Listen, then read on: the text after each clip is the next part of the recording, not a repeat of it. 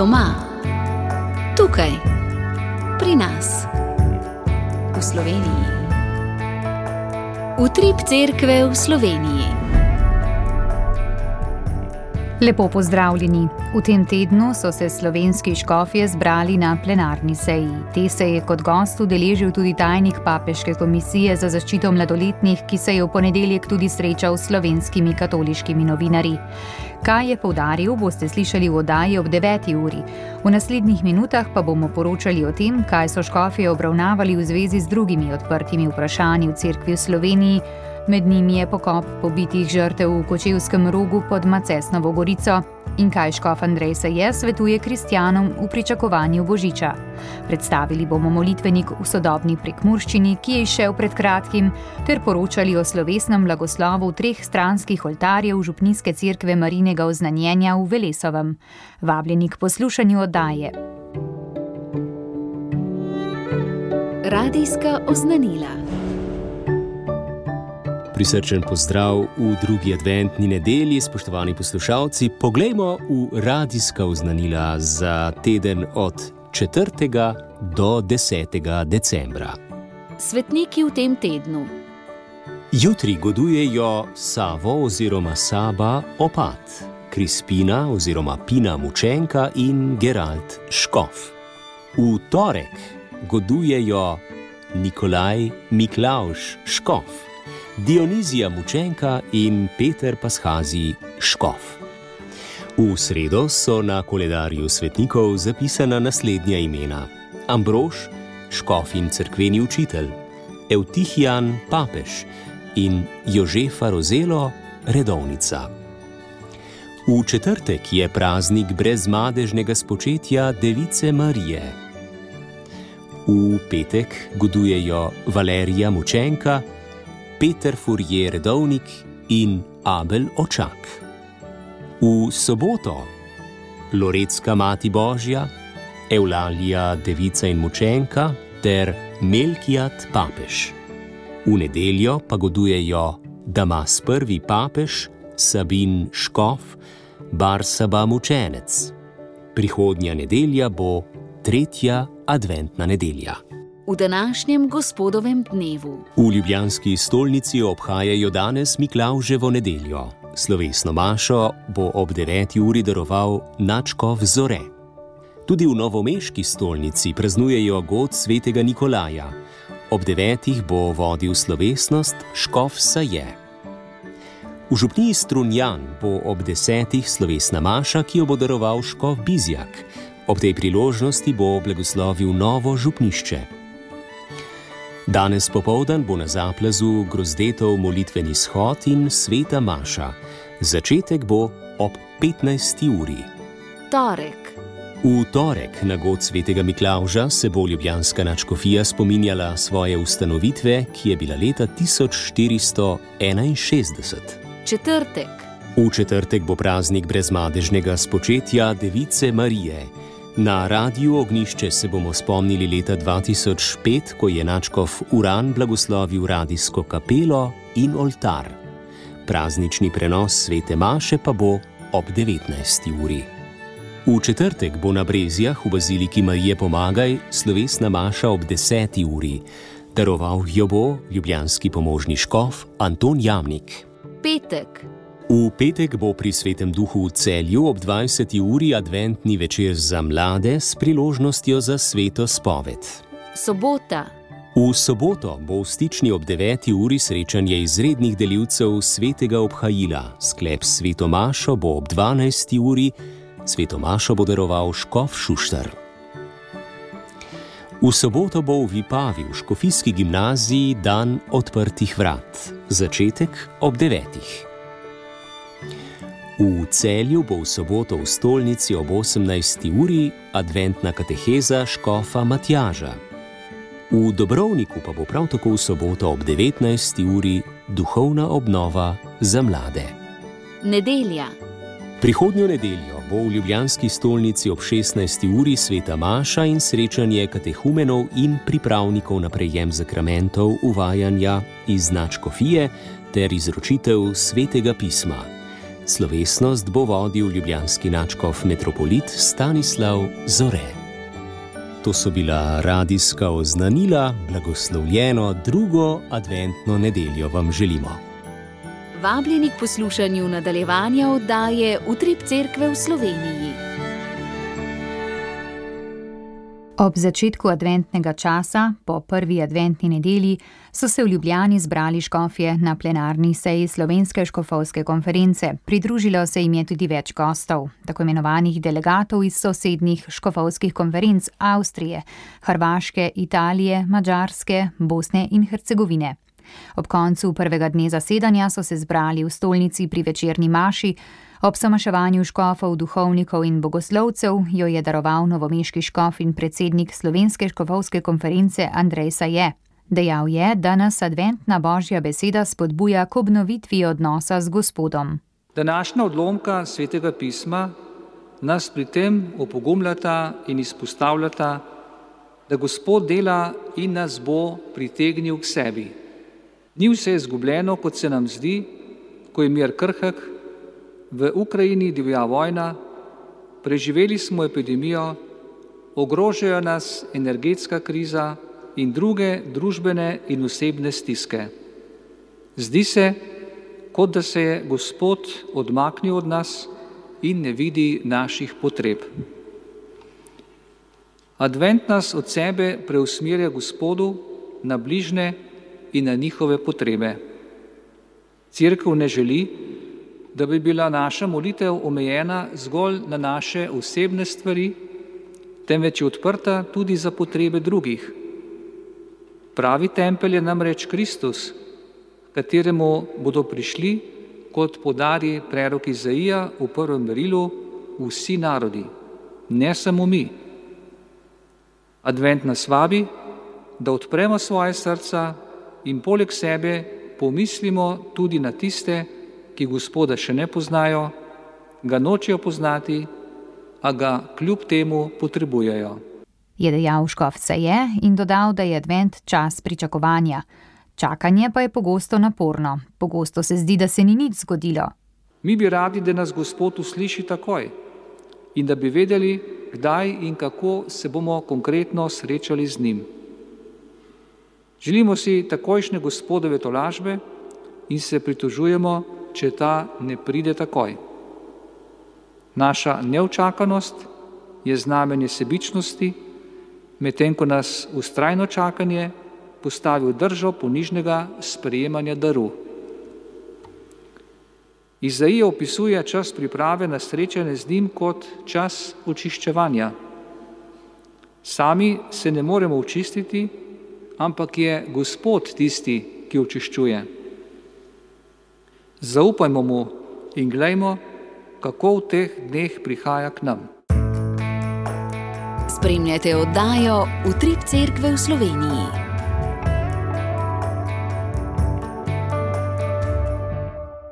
Škofje so na zasedanju v tem tednu določili delegacijo, ki bo Slovenijo v sklopu sinodalnega procesa zastopala na kontinentalnem februarskem zasedanju v Pragi.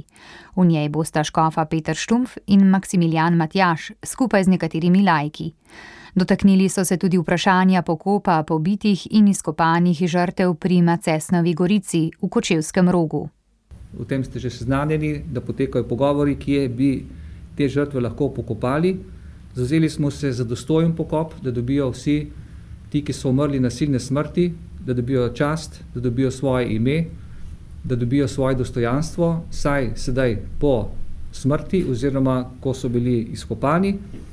In tudi pričakujemo od državnih organov, da se temu vprašanju tudi dostojanstveno posvetijo, da kot so rekli nova predsednica, pa tudi predsednik vlade, da bodo predsedniki vseh državljanov, si želimo tudi, da z pozornostjo in z dostojanstvom obravnavajo to vprašanje in tudi, da skupaj dosežemo to, da jih pokopljemo na dostojanstven način in tudi na dostojnem mestu. Škofje že načrtujejo tudi, kako bo crkev obeležila 30. obletnico ustanovitve Slovenske škofovske konference. Praznovali bomo 23. februarja 2023 če se ne motim, 19. februarja je tisti datum, ko bo dejansko 30 let od njene ustanovitve oziroma potrditve statutov. Ta dogodek bomo obeležili uh, tudi z izdajo publikacije, z nekaterimi članki, z nekim slavnostni, slavnostnim aktom. Povabili bomo tudi uh, kardinala Ueleja, ki je prefekt kongregacije oziroma degasterije za škofe na ta dogodek, pa še nekatere druge goste. Spremljate oddajo Utrip Cerkve v Sloveniji.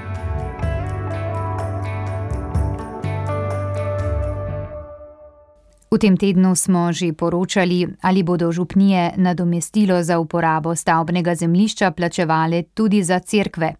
Ministrstvo za okolje in prostor je namreč na podlagi odločbe ustavnega sodišča iz leta 2020 izdalo takšna priporočila občinam.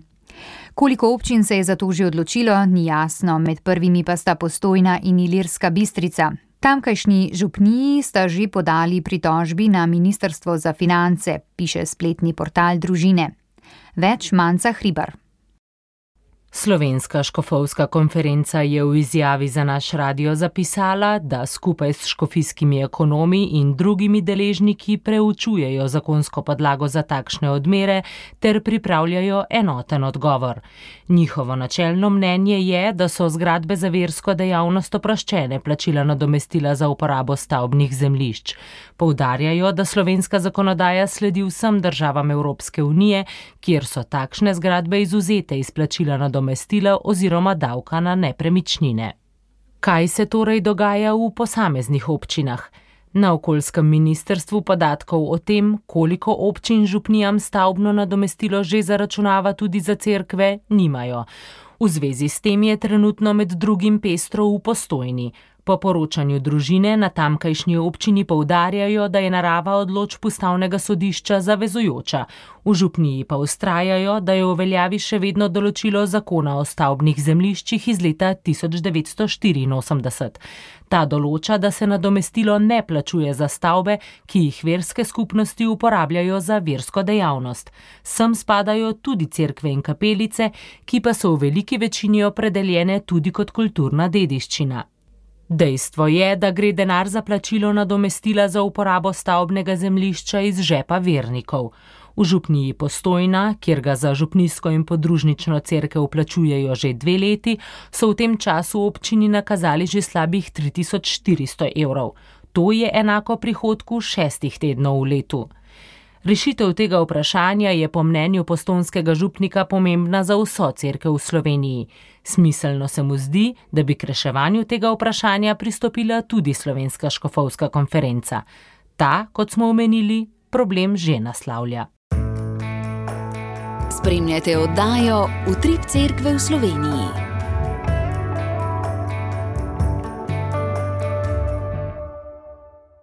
Kot smo že na začetku povedali, spoštovani poslušalci in drage poslušalke, je v teh dneh išel novi prekmurski katoliški molitvenik z naslovom Jezus, tovariš moj.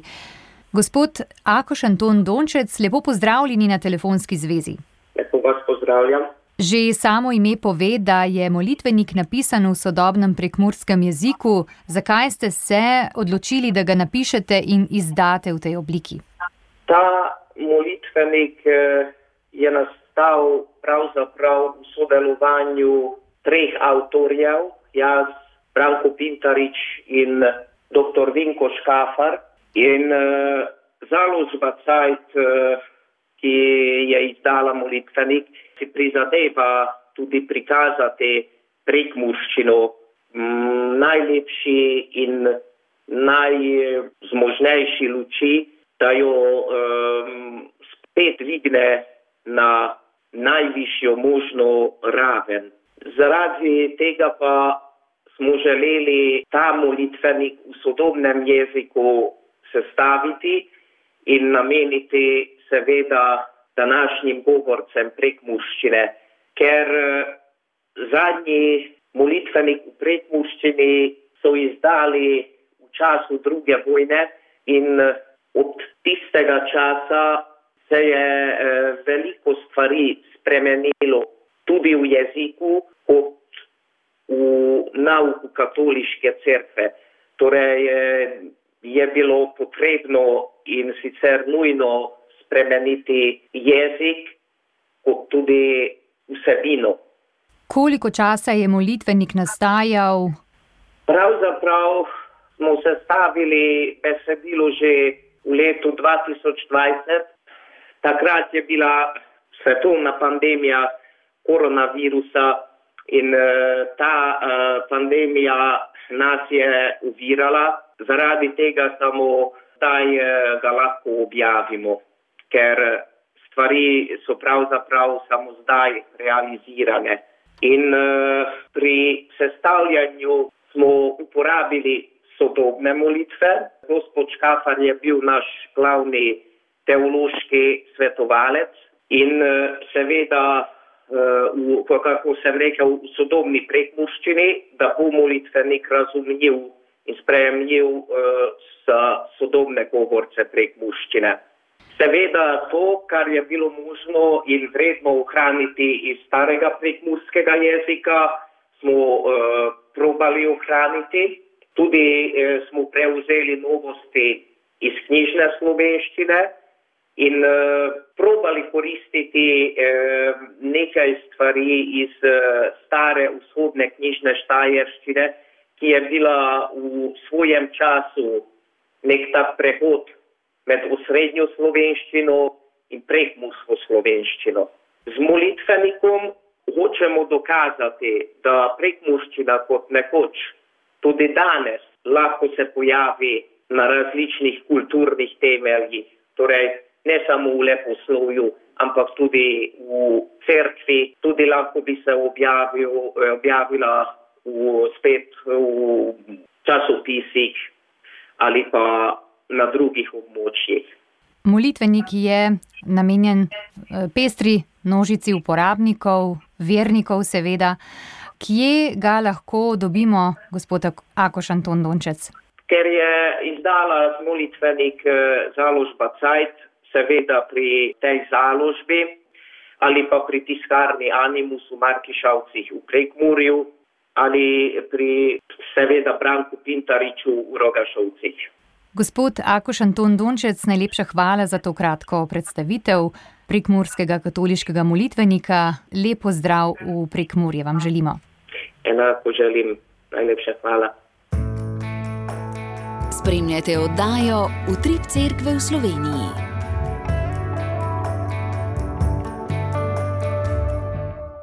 Oddajo Utrip Cerkve v Sloveniji bomo sklenili s prispevkom o prazničnem dogajanju v župniji Velesovo. Na prvo adventno nedeljo so se tamkajšnji farani z župnikom razveselili blagoslovitve treh obnovljenih stranskih oltarjev v cerkvi Marijnega oznanjenja. Veliko zapuščino so nam zapustile sestre Dominikanke. Veliko cerkev gospodovega oznanjenja Devici Mariji, zgradbo samostana in bogato notranjost cerkve. Najstarejši Marijin kip na slovenskem in sedem neprecenljivih kremzeršmitovih slik. Za vse to smo jim in so jim bili že pred nami res globoko hvaležni. Trudimo se po naših zmožnostih in vsa leta čutimo, da smo sposobni čuvati to dediščino. Je povedala Angelca Maček. Pri obnovi je tudi tokrat na pomoč župniji prišla občina Crkljena Gorenskem in njen župan Franc Čebul, ki mu je načkov Stanislav Zore na slovesnosti podelil načkofijsko priznanje ter zahvalo za dolgoletno pomoč in sodelovanje pri obnovi in vzdrževanju cerkve, oltarjev, samostana in podružnice. Župan je opisal pot restauriranja treh oltarjev, ki se je začela leta 2017. Pri tem je povdaril, da je občina sama vodila vse javne razpise, ki jih je objavilo Ministrstvo za kulturo. Ob sklepu pa dodal: Pot, katera smo jo pričeli že v letu ob osamosvojitvi Slovenije, ko je bil gospod Miroslavič Peter, ko smo preko krevne skupnosti v Lesovo začeli sodelovati in potem tudi za v letu 94-95 iz samih proračunov, vam iskreno povem, da vam ne bom povedal številke, koliko smo dejansko namenili za uh, obnovo vseh kulturnih spomenikov v naši občini. Uh, Vemo, da imamo na našem področju 17 crkva, imamo dve kapeli, imamo samostan Dominikank, zahtevne objekte, ki so terjali ogromno sredstvo. Moram reči, da je občina vedno, tudi prej takrat Kranska, bil sem v Kranski skupščini, ki je tudi Kranski izvršen svet, bil naklonjen, da so se začele tudi vse cerkve na področju občine crkle v celoti obnavljati.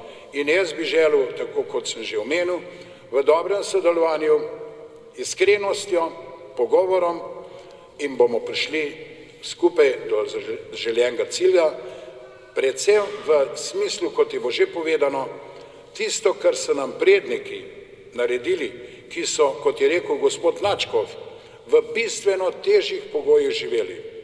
In so nam ustvarjali naša kulturno pribožilišče, našo vero in jo peljali do današnjih dni.